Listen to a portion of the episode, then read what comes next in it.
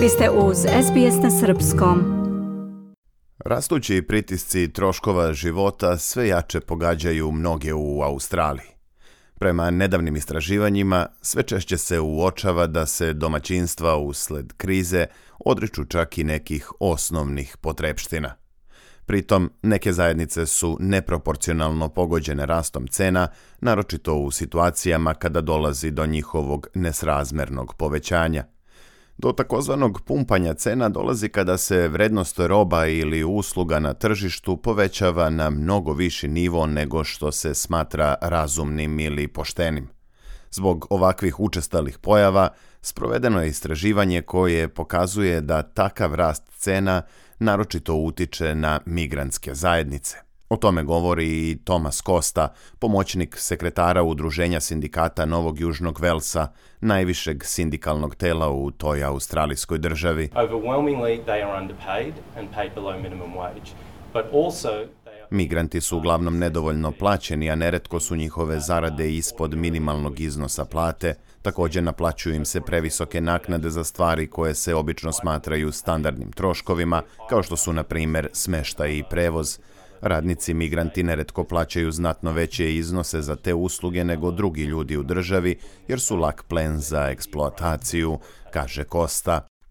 On dodaje da radnici migranti u regionalnim oblastima već tradicionalno trpe veće financijske teškoće, pre svega zbog nesrazmerno visokih cena zakupa nekretnina. Migrants working in regional areas in particular, particularly uh, horticulture workers, Tomas Kosta tvrdi da naročito migranti zaposleni u regionalnim oblastima, posebno oni koji se bave hortikulturom na plantažama, plaćaju i do 160 dolara nedeljno za iznajmljivanje sobe koju dele sa šest drugih ljudi.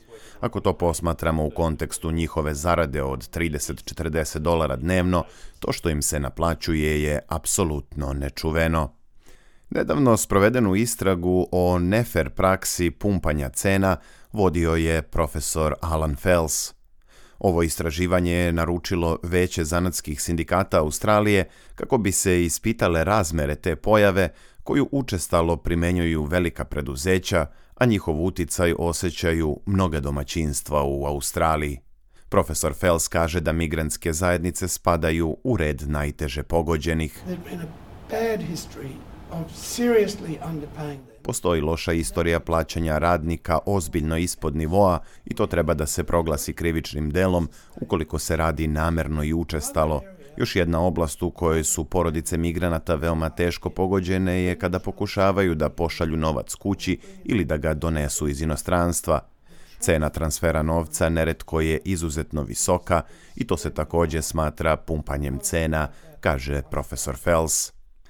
Prema njegovim rečima, nepravedno veliko povećanje cena je deo šireg sistemskog problema u kojem korporativni profiti i zarade rukovodilaca rastu, dok su ostale plate u stagnaciji.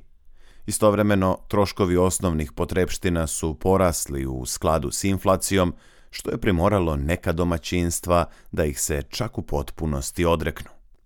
Nedavno istraživanje OECD-a, Organizacije za ekonomski razvoj i saradnju, pokazalo je da su upravo korporativni profiti bili glavni pokretači inflacije. U Australiji su cene roba i usluga porasle da bi se povećale profitne stope, a ne da bi se one uskladile s povećanim troškovima proizvodnje. Profesor Fels kaže da je ovo veliki problem naročito za dobavljače roba i usluga, poput recimo farmera, koji sada zarađuju manje za svoje proizvode. Poljoprivrednicima se manje plaća za meso koje proizvode, ali sve što mi potrošači vidimo je da cene hrane i mesa uglavnom rastu ili tek neznatno opadaju. To je veliki problem jer je udeo u dobiti u nacionalnom dohotku veoma naglo porastao, a udeo plata opao. Kroz cene se ostvaruje mnogo ekstra profita, tvrdi Fels. Podaci pokazuju da je lanac samoposluga Woolworths ostvario profit od 1,62 milijarde dolara u financijskoj 2022. i 2023. Glavni konkurent Coles je u istom periodu također zabeležio visok profit od 1,1 milijardu dolara. Šef ekonomskog sektora u kompaniji Deloitte, Pradip Filip, kaže da su, pored postojećih, potrebne i druge mere za borbu protiv rastućeg pritiska troškova života. In addition to the spot checks on price gouging, Pored provera cena na licu mesta, potrebna je i još fundamentalnija reforma konkurencije. Moramo da sagledamo sve sektore i da se uverimo da reforme konkurencije donose najbolju ponudu za potrošače.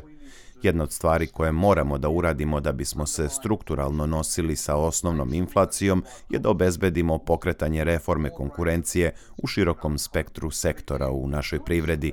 Takođe, čineći to, mogli bismo da podstaknemo malo više preduzetničkog duha i inovacija, jer su to zaista važni faktori za povećanje produktivnosti ekonomije, smatra Pradip Filip.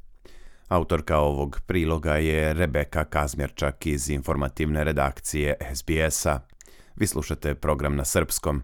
Ja sam Branko Cvetojević. Želite da čujete još priča poput ove? Slušajte nas na Apple Podcast, Google Podcast, Spotify ili odakle god slušate podcast.